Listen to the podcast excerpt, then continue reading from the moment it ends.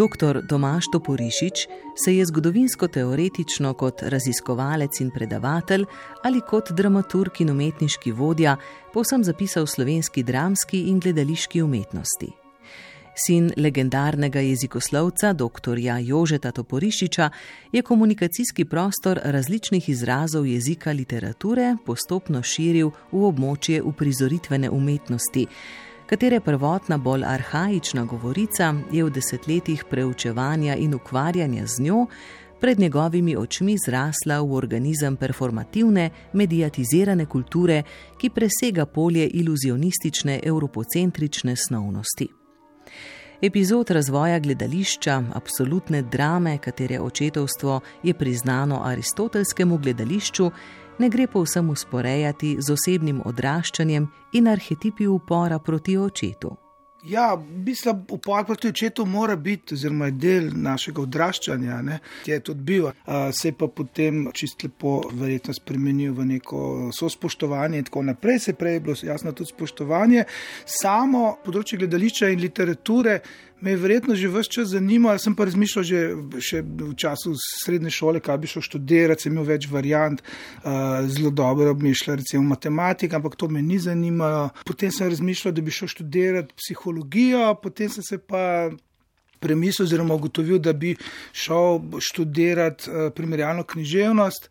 Potem sem še zraven pisal eh, angliško književnost in jezik, zato pravim angliško književnost in jezik, ker me je predvsem književnost zanimala že uh, takrat. Uh, vsekakor se nekako nisem odločil, da bi šel študirati jezikoslovje, ker se mi je zdelo to neproduktivno, tudi zaradi uh, družinskih razmer in tako naprej. Ne. Tomaš Toporišič kot ustvarjalec in opazovalec levitve drame in gledališča, njune interakcije in prepojenosti skozi čas, je doslej napisal celo vrsto znanstvenih monografij, v katerih za bravske sopotnike gledališča dokumentira, raziskuje in razpravlja. Vendar ga še vedno preseneti moč kreativnih praks. Zdaj, kreativne prakse, ki jo gledamo v gledališču, ali pa recimo zdaj, ko so pred nekaj leti išla neobjavljene še uh, Kosovova zapuščina in znotraj te zapuščine neki zametki dramskih, paradramskih tekstov, uh, sem se pred temi zametki seveda ustavil, tudi če nisem v bistvu pisal njih in verjetno bom, bo še kar nekaj časa bom potreboval, da bom prišel do točke, ko bi si seveda to fascinantno tkivo, ko bo dosti pregledano in bom z veseljem se tudi malo teoretično oziroma zgodovin ga začel teoretizirano. Ves čas se nam pojavljajo take točke, zelo zanimive, bodi si znotraj uh, gledališča, bodi si znotraj dramatike, bodi si seveda znotraj drugih umetnosti, predvsem seveda pri, pri meni, znotraj mojega ukvarjanja, znotraj literature. Ves čas se ukvarjam seveda z jezikom, ampak v tem širšem smislu jezikom, uh, gledališkim jezikom največ, se pravi jezikom, ki je hkrati jezik, uh, tako kot bi rekel, to. To se je vse čas želel, da se bo gledališče spregovorilo z svojim lastnim jezikom, se pravi z jezikom predmetov, ne samo uh, jezikom besede, in v tem smislu me vse čas fascinirajo ti brez bogati, no, vedno novi, vedno drugačni znakovni sistemi, ki jih producira uh, gledališče. Bodi si sodobno, bodi si, ko najdemo, seveda v dramatiki, predvsem ne, neke koncepte nove dramatike, novega gledališča, od recimo antike do današnjega časa. Ne. Fascinira nas lahko v enaki meri, recimo neka nova predstava. Zdaj bom kar eh, dal kakšen primer, ki je naredil recimo Jrnej Lorenci, ki se zadnje čase ukvarja zelo s pripovedovanjem. Enako nas pa lahko seveda fascinira neko, ko na, na novo preberemo eh, recimo delo, kakšno delo simbolizma ali pa tudi delo romantike, ki ga še nismo prebrali in, se, in nam odpira popolnoma novo interpretacijo pa videnja gledališča, umetnosti in sveta. Ne. Po mojem mnenju, pišemo o nekih stvarih, na katerih stvarih pa razmišljamo, in ko se nam nabere dovolj misli, pa dovolj nekih zanimivih uvidov, ki bi bili zanimivi tudi za bralce in za druge eh, gledalce ali pa ustvarjalce umetnosti, takrat jih zapišemo. Ne.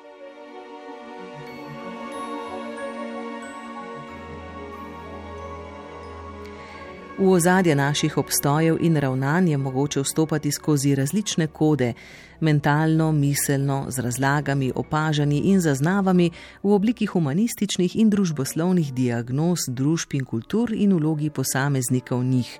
Tu so legende, pravljice, miti, zgodbe, rituali in religije, ki vežejo različne bitnosti. Naj si bo to v blagostanju ali v krizi. Tomaš Toporišič govori o umetnosti z gledališčem, ki tudi preživlja in začenja svoje krize, ter ostaja, čemu, kaj daje ljudem, zakaj ga potrebujemo. Alain Badiou v svoji knjigi eh, in estetika, v knjigi 20. stoletje, potem v Rapsodiji za gledališče in na zadnje v drobni knjigi intervjujev, ki je izjemna, ki jo poimenuje Hvalnica gledališču, razmišlja ravno o tem, v bistvu razmerju med filozofijo oziroma med teorijo in umetnostjo. In, in njegova glavna teza je, da uh, umetnost sama producira svoje resnice, da zato ne potrebuje nekoga, ki je sekundaren. Se pravi, uh, celo postavi eno drzno trditev, da je filozofija samo zvodnica resnice, da resnico v bistvu proizvaja umetnost. S tem kaže na nek problematičen odnos veliko krat teorije do umetnosti, ne, ki ni najbolj spoštljiv, hkrati pa kaže, da ravno teorija in da lahko teorija in umetnost prihajata v tem, kar jaz imenujem, večkrat sem imenoval, pa tudi zdaj v zadnji knjigi imenujem nevarna razmerja ne, med uh, umetnostjo in teorijo, ki pa so nevarna v smislu uh, laklojevega, nekega zanimivega erosa, ki, ki pa producira uh, v bistvu neke presežke. In v tem smislu je seveda gledališče, ki samo sebe, recimo, zdaj se spomnim na Oliverja Frliča, režiserja, ki mi je izjemno blizu in eh, ki ga zelo spoštujem. On v bistvu v svojih predstavah, ko kaže resnico eh, sveta skozi gledališke eh, oči, vse čas opozarja na to, da je gledališče eh, laž, kot to zapiše. Ne. Gledališče ni zavestna laž, ampak je, na, na, ko producira neko resnico v svetu, se zaveda, da ta resnica v osnovi ni nekaj, kar bi zdržali vse protiargumente. Ampak ravno v tem je gledališče v bistvu močnejše od politike, ker politika si zelo nerada prizna, da se zmoti, medtem ko umetnost eh, ima to možnost. V vseh polisih, če uporabimo ta izraz za različne državne tvorbe in njihove družbeno-politične sisteme, ima gledališče zelo odzivno vlogo lakmusovega papirja, pravi Tomaš Toporišič že pri recimo Šekspirju, če vzamemo Šekspira ali pa Moljera, ne, je šlo pri obeh avtorjih za nek lakmusov papir družbe. In v bistvu sta oba, ne glede na to, da sta pisala neke perfektne, recimo Moljer je pisal neko perfektno komedijsko formo, ampak to perfektno komedijsko formo je v bistvu upeljal nek žargon vsakdanjosti in vse neke problematike eh, takratne družbe. Na podoben način se danes eh, seveda v mediatizirani družbi, kot lahko rečemo, ne, gotovo obnaša tudi gledališče. Gledališče leta 72, mislim, da je Antoine Vitesse, en največjih režiserjev druge policije 20. stoletja, izjavil: on, on, on peut faire théâtre de tout, se pravi, lahko, gledališče lahko delamo iz vsega, iz imenikov, iz časopisnih člankov. Se pravi, kompletna proizvodnja nekih eh, resnic ali pa nekih dokumentov je polje, iz katerega lahko črpa gledališče. In to recimo na, na zelo zanimiv, relevanten način uh, izpeljujete v zadnjem času ta dvojica Divjak Morano. Oliver Frlič se je seveda veliko krat posluževal podobnih ne, postopkov. Večja ali manjša mera fikcijskosti je pač odvisna od tega, kaj si zadamo kot neko nalogo pri predstavi. Dejstvo pa je, da ta fenomenologija eh, medijev, tudi radijskega medija, eh, postaja nekaj, kar je material, zmeraj bolj tudi material za predstave. Če se spomnim sam predstave Slovensko narodno gledališče eh, Emila Hrvatina, danes Jane Zajanše, ne, ta, on je uporabil tam samo mediatizirane pripravke pričevanja in je v bistvu igravci so poslušali na slušalke, hkrati pa so seveda uh, govorili oziroma ponavljali za mediji, uh, medijsko poročanje o dogodku, takrat pač dogodku uh, nekega kolapsa slovenske civilne družbe. Se pravi, tudi radio zmeri bolj zanimiv postaje, ne samo kot medij radijske igre, ne, ampak kot nekaj, kar prevedemo potem v gledališko predstavo. Ne.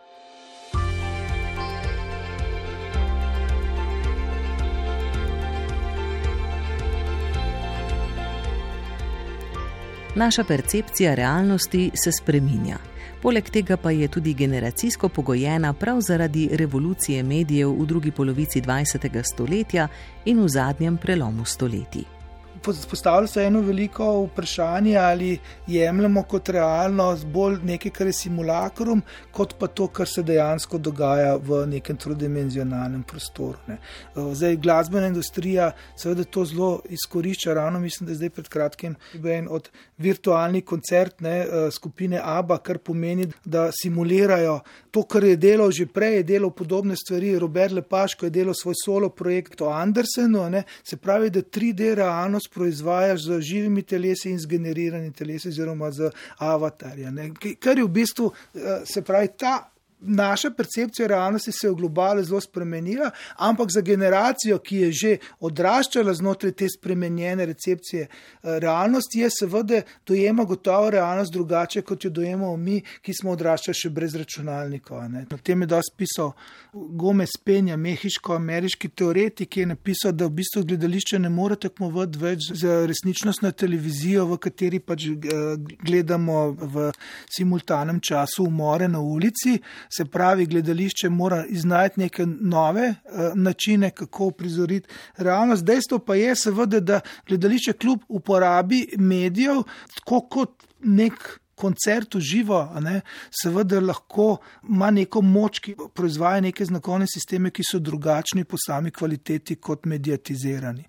Že dolgo časa se ne ukvarjamo več toliko s tem, ali je zdaj eh, umetnost v živo auratična ali ni, ali je dejansko ta poratna zanka, ki nastane v živo med izvajalci in gledalci, gotovo je specifika gledališča, lahko pa znotraj te poratne zanke, ki obstaja med gledalci in izvajalci, seveda upeljemo tudi. Mediji, ne, tudi recimo to, kar, to, kar raziskuje Varja Hrvatin znotraj svoje dramatike in svoje uprizarjanja tega, recimo dramatike, pa mislim, da gre za dramatiko, ker zavestno piše dramatiko, je seveda, da v bistvu uporablja neke nove medije, ki v bistvu uh, gledalca vključujejo kot nekega. Uh, so kreatorja dogodka, ampak sej že Roland Bart je izjavil, v, v, ko je napisal smrt, uh, smrt avtorja ne, in je zapisal, da je smrt avtorja, uh, da je rojstvo bravca, da je bralec tisti, ki do konca ustvari umetnino. Ne, to se samo dogaja zmeri na drugačne načine. In dokler smo mi tisti, ki dejansko ustvarjamo neko novo interpretacijo ali pa neko novo občutanje ob umetnini, je vse v redu. V trenutku pa, ko ne bomo več sposobni sami ustvarjati nek, nekaj, kar je eh, singularno sami, bo pa seveda velik za umetnost in za civilizacijo nastal, ker bomo postali neki avtomati, za katere se bo že predvidevalo, kako bodo reagirali. Upam, da do tega ne bo prišlo. In ravno tem je seveda umetnost je tista, ki omogoča nam to neko uh, senzibiliziranje, tudi zato, ker ni v nekem interesu multinacionalk. Ne, Večmedijskost, kot opaža Toporišič, se v sferah gledališča veliko krat druži z medjezikovnostjo, medkulturnostjo, gledališče zmore prevajanje in kodiranje sporočil v večkulturnem svetu, v katerem umetniki veliko krat ne pripadajo le eni nacionalni identiteti. To je zelo dobro ugotovil pred tremi leti, ko je nastopil svoj mandat Martin Kušaj, ne? verjetno najbolj znan slovenski režiser, ki pa je avstrijski režiser, hkrati, ki je ugotovil, da ko je prevzel Burg teater, da, da danes ne moreš Burg teatra voditi več kot nemškega gledališča. Jasno je primarni jezik ne? izražanja eh, nemščina, pa hkrati pa ne pripada zgolj nemški kulturi, ampak ta Burg teater kot pač glavno avstrijsko gledališče pripada tudi vsem drugim drugim kulturam, ki Eh, so obstajajo, ne, tudi manjšinskim kulturam, ki obstajajo na Dunaju. To se mi zdi zelo bistven, bistvena njegova opaska in na ta način je lahko nekaj, kar je pač središčna gledališka točka, spremenil oziroma prevedel v neko v stanje sodobnega sveta. Vemo, da je Dunaj v primerjavi z Ljubljano veliko bolj multikulturna, ampak tudi Ljubljana je v današnjem času verjetno bolj multikulturna, kot je bila leta vem, 60. Bila je pa seveda v času Linharta pa zelo multikulturna, ampak nažalost slovenščina ni bila prvi jezik. Na, na srečo je pač uh, Žiga Cojs prepričal Linharta, da je začel pisati v slovenščini. Drugače se mi verjetno danes ne bi uh, pogovarjali o slovenskem gledališču.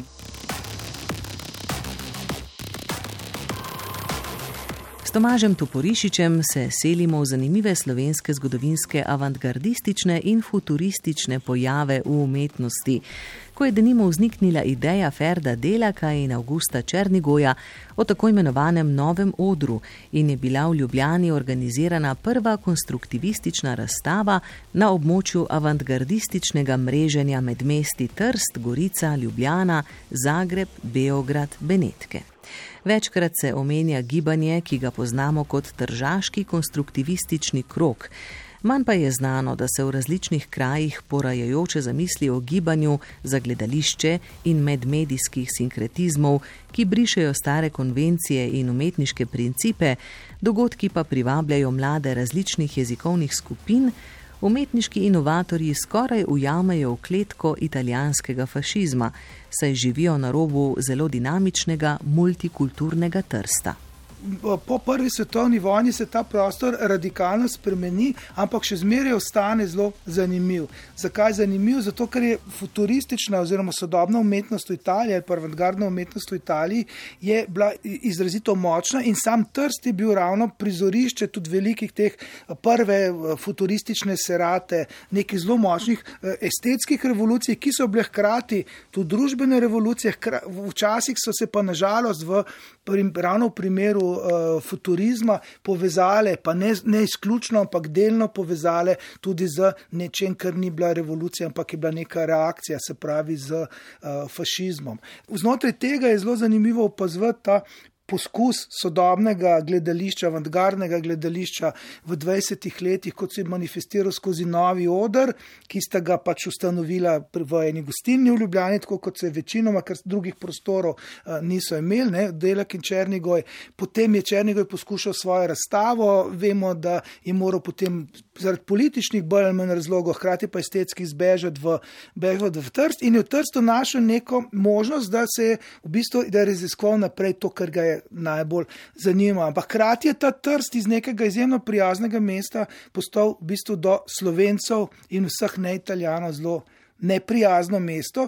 Še zmeraj so, je ta kržaški konstruktivistični krok sodeloval z italijanskimi futuristi, hkrati so, so pa v bistvu koncipirali neko novo, zelo drugačno zgodovinsko avantgardo, ki se je vezala na to, kar je, jim je bilo blizu. Na eni strani so našli ta sistem barbarogenija Ljubimira Miciča in njegovih zenitistov, na drugi strani pa seveda rusko po revolucijsko avantgardo, ki jim je bila ideološko blizu. Moramo vedeti, da večina teh slovenskih avantgardistov so bili zelo blizu komunistični opciji. Komunistična partija je bila v Jugoslaviji prepovedana, tako da je Delak postal pa član uh, italijanske komunistične partije, pa še to je postal v Parizu. Se pravi, iz, veliko je deloval v Nemčiji, v Avstriji, skozi delovske odre. Skratka, šlo je za en izjemno zanimiv uh, kreativni čas, ki je bil pa politično v bistvu bistvu tako rekoč ne mogoč, kar jih pa teh umetnikov in umetnic, zanimiva je bila zelo Polakova žena, Katja Polak kot izjemna koreografinja, ki je kasneje emigrirala v New York in tam v bistvu izjemno se uveljavlja na judovski sodobni plesni sceni, ki je še danes pomembna za razvoj sodobnega plesa v New Yorku. Ta, ta scena je bila izrazito močna, politično je pa delovala je po politično tako rekoč nemogočem trenutku. Kar se je še večkrat ponovilo tudi v, eh, prvi, v drugi Jugoslaviji, v prvi Jugoslaviji, ampak mogoče ne na tako močen način. In hkrati je šlo tukaj za stik, ne, saj treh kultur, ne, eh, ali pa velike kulture, italijanske, ali pa romanske, germanske in slovanske kulture, ne, ki se je na tem področju ravno lomila. Ne.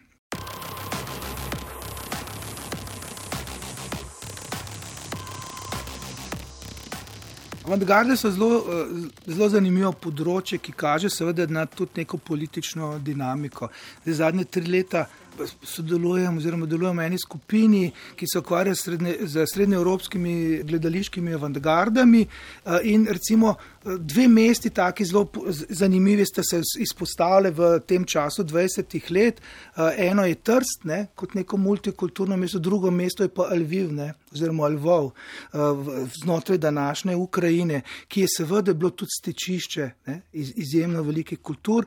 In seveda smo ravno zadnje čase, ko sem prebiral eh, vojni, jasno, v, v Ukrajini se pojavlja tam neko veliko vprašanje, ne, kaj je bila ruska, kaj je bila ukrajinska avantgarda ne, in kaj, kaj je bila mogoče galicijska, pa polska in tako naprej in romunska. Se pravi, na istem teritoriju je podobno kot tukaj v Trstu, Gorici in do Ljubljane, jasno, Zagreba in tako naprej, so delovali umetniki zelo različnih ozadij ne, in v tem smislu je šlo za neko posebno dinamiko. Ta dinamika se je potem ponovila na nek način v času 60. in 70. let ne, 20. stoletja z uh, neoavantgardami, uh, kjer je prišlo seveda tudi do zelo zanimivih ne, povezav neoavantgard na eni strani znotraj um, jugoslovanskega prostora, delno povezav, vsaj uhoja, tudi z italijanskim prostorom uh, in seveda je prišlo takrat do veliko močnejšega vpliva tako imenovane ameriške gledališke avantgarde. Se pravi, takrat je prišlo do nekega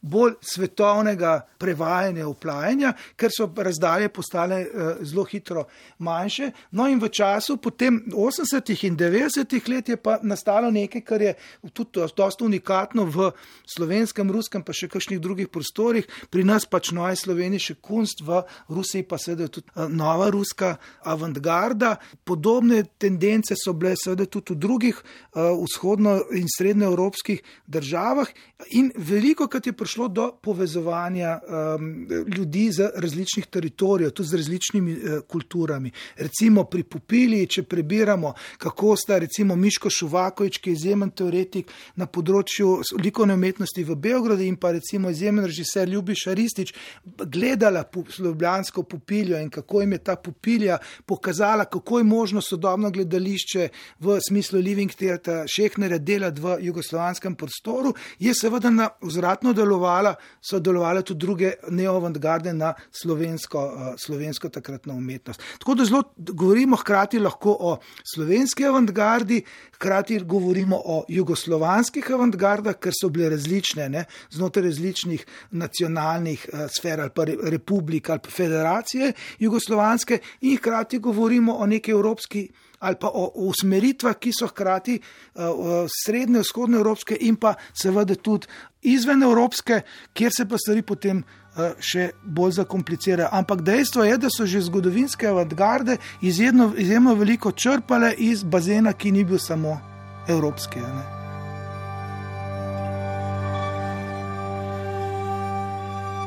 Tomaš Toporišič se usporedno z drugimi zgodovinsko-teoretičnimi premisami ukvarja tudi z razmisleki o igri v igri, z vprašanjem, kako gledališče postavlja ogledalo družbi in hkrati samemu sebi, kako se postavljajo gledališka razmerja razmislekov o globalnem in lokalnem v času, ko prevzema estetiko in fenomenologijo drugih medijev. No, ampak ravno včeraj sem malo brskal po, po internetu in sem gotovo, da je uh, Mihajl Barišnikov v svojem centru v New Yorku ravno imel zdaj pred kratkim premjero, predstavil, kateri tudi sam nastopa. Dve možnosti ogleda si imel, ne? ogled v živo in ogled ne preko zuma, ampak ima veliko bolj sofisticirane oblike, se pravi, hkrati živo, hkrati mediatizirano. Dve gledalski izkušnji s tem ponuja in v bistvu se je skazalo, da so v zelo kratkem času nekateri najbolj inovativni umetniki tudi v slovenskem prostoru, ampak moče še bolj v prostoru, ki je tehnološko še eh, bolj podprt, se pravi v ZDA, Kanadi, pa tudi v Veliki Britaniji je teater de complicite oziroma Simon McBarney tudi produciral nekaj takih predstav. Izkazalo se je, da gledališče lahko hkrati obstaja v, v živo in skozi neko oblike mediatizacije, da lahko ponudi neko dvojno izkušnjo. Ne.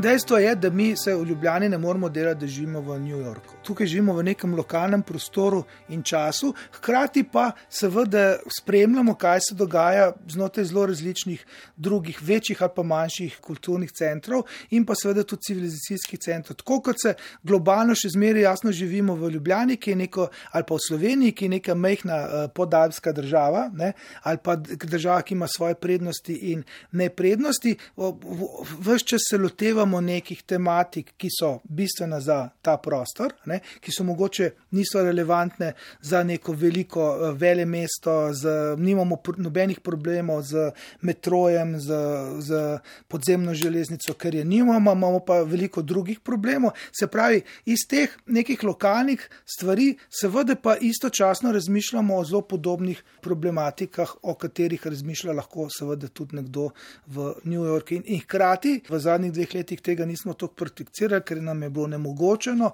in smo bili zato tudi v bistvu paralizirani, tako fizično kot psihično. Ne.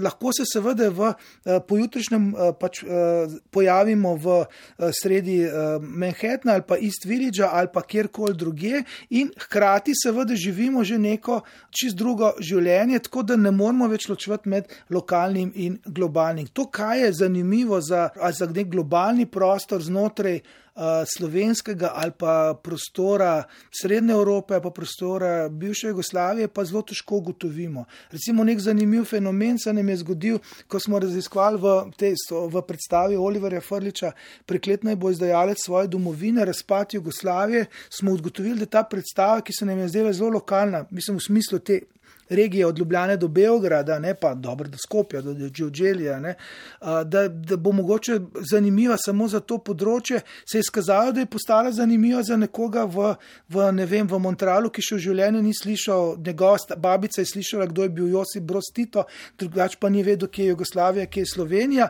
Se pravi, včasih, ko, nago, ko govoriš o lokalnih temah, oziroma temah, ki tebe obsedajo, tudi o, ne samo lokalnih, ampak osebnih temah, ne, Oliverja Frliča in ekipa, ekipe, ki je delala na nekih travmah, ki jih je proizvedel razpad ene države in kriza in vojna, lahko ugotoviš, da si se dotaknil nečesa, kar je globalno in da, da v bistvu uh, nekdo. Ki je čist, iz čisto drugega področja, čisto drugih zgodovinskih okoliščinah, v tvojih razmišljanjih spozna razmišljanja, ki so zelo blizu njemu, ali pa celo najde neke odgovore na vprašanja, ki si jih je zastavilo, pa na katera si ni mogel odgovoriti. Tako da tukaj je nekaj, so zelo zanimivi prevoji se zgodijo in umetnost, kadar je uspešna, uspe ravno združiti to globalno in lokalno. Ne.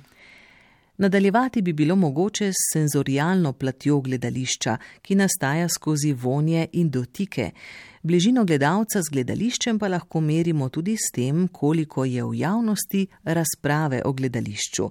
Tomaš Toporišič meni, da je pri nas znotraj gledališča premalo prostora za gledalčevo izrekanje če bo šla gledališče v Italiji, v Franciji, kamorkoli, bo imela v tem gledališču kavarno, restauracijo, pred, se bomo dobili s prijatelji dve ure pred predstavo, bomo šli potem še nekaj pojesti, bomo srečali ljudi in bomo debatirali. To je nek prostor, ki omogoča neko sploh debato. V slovenskih gledališčih tega nimamo in že to v bistvu postavlja velik problem. Uh, zadnje čase se eh, relativno dosti dela na tem, da se organizirajo različni pogovori, ne, ki pa jih je zmeraj tudi zelo dobro. Jaz sem 30 let deloval v gledališču in smo tudi veliko gostovali v gledališču in smo tudi videli, na kakšen način to delajo v drugih gledaliških prostorih. Te stvari so izjemno pomembne, kako ti senzibiliziraš publiko za neko sodobno gledališče in jih hkrati uh, pokažeš, da je to nekaj, kar je, o čemer je najbolj normalno, da se pogovarja, tako kot se pogovarja o tem,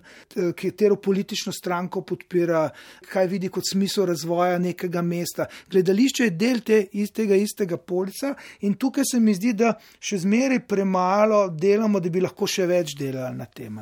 Dejstvo je pa, da smo tudi sam način življenja uh, je uh, zmeri manj uh, socialen, saj v, v, v slovenski družbi. In tukaj se bomo morali nazaj naučiti. Mislim, da je zelo dobra priložnost, da je ravno to post-covidno obdobje, da nazaj vzpostavimo sisteme komunikacije, ne, v ki je v bistvu neformalna komunikacija, v kateri se srečujejo različni segmenti družbene.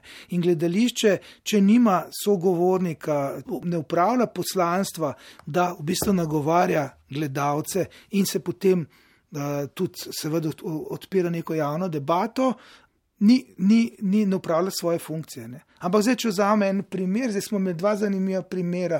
Pred kratkim smo imeli ravno to predstavo eh, Hlapce, ne, Cankar je v mladinskem gledališču, ne, kjer je prišlo do zelo polemičnih, tudi zelo željivih uh, debat. Ampak odprla se je neka zelo zanimiva tema, kaj je gledališče, kakšen je domet sodobnega gledališča. Kljub široki gledališki upetosti in profesionalni deformaciji si Tomaš Toporišič ne pusti vzeti preprostega gledalskega užitka. Ko gledam predstavo po sami naravi, začenjam razmišljati o predstavi ali pa teoretizirati jo šele kasneje. Tudi po sami predstavi se ne rad pogovarjamo o predstavi. Si ne bi vzel tega. Eh, Eh, estetskega užitka gledalca, ki je samo gledalec, ki seveda sam so ustvarja predstavo skozi to, da je gledalec, ne pa tako, da bi jo uh, teoretiziral. Ne? Jasno, da si profesionalno deformirano gledamo predstave, ki so ali delamo v gledališču, ali spremljamo gledališče, ali novinarsko se ukvarjamo z gledališčem. Eh, in je zato zanimiv kakšen pogovor z nekom, ki v bistvu sploh nima razvidga tega interpretativnega sistema uh, za, za umetnost. Ne? In je mogoče ta tip pogovora zelo zanimiv. Dejstvo pa je, da si vsak izpost, ma, si izgradi nek instrumentarij, na podlagi katerega govori o predstavi, ker nas že sama kultura v to v bistvu ali pa že samo šolstvo upelje v to, da vsako stvar na nek način interpretiramo na podlagi nekih elementov, ki si jih sami sestavimo ali pa so nas naučili, da si jih sestavimo. Ampak to je treba kar zelo podirati, po moje. Ne? In tudi, ko pišeš o predstavi ali pa ko teoretično razmišljaš o predstavi, se mi zdi, da ne smeš skozi to, da boš potrdil neko teorijo, ampak bereš predstavo in skozi to, ko bereš predstavo, pač pride do nekih teoretskih uvidov. Se mi zdi, da je tukaj le primarna je zmeraj torej sama eh, kreativnost in eh, mi dejansko stopamo v dialog s to kreativnostjo, seveda tudi svojo lastno kreativnostjo, mogoče vidimo predstavo čist drugače, kot so videli ustvarjalci, ampak to v bistvu eh, ni nič slabega. Ne? Mogoče se oni ne bi strinjali, mogoče se mi z njimi ne strinjamo, mogoče se ne strinjamo z, z njimi v privatnem življenju. Uh, ampak spet moramo to na nek način odmisliti do točke, ko se to da. Ne. Tako da tukaj ni pravilno, bi rekel.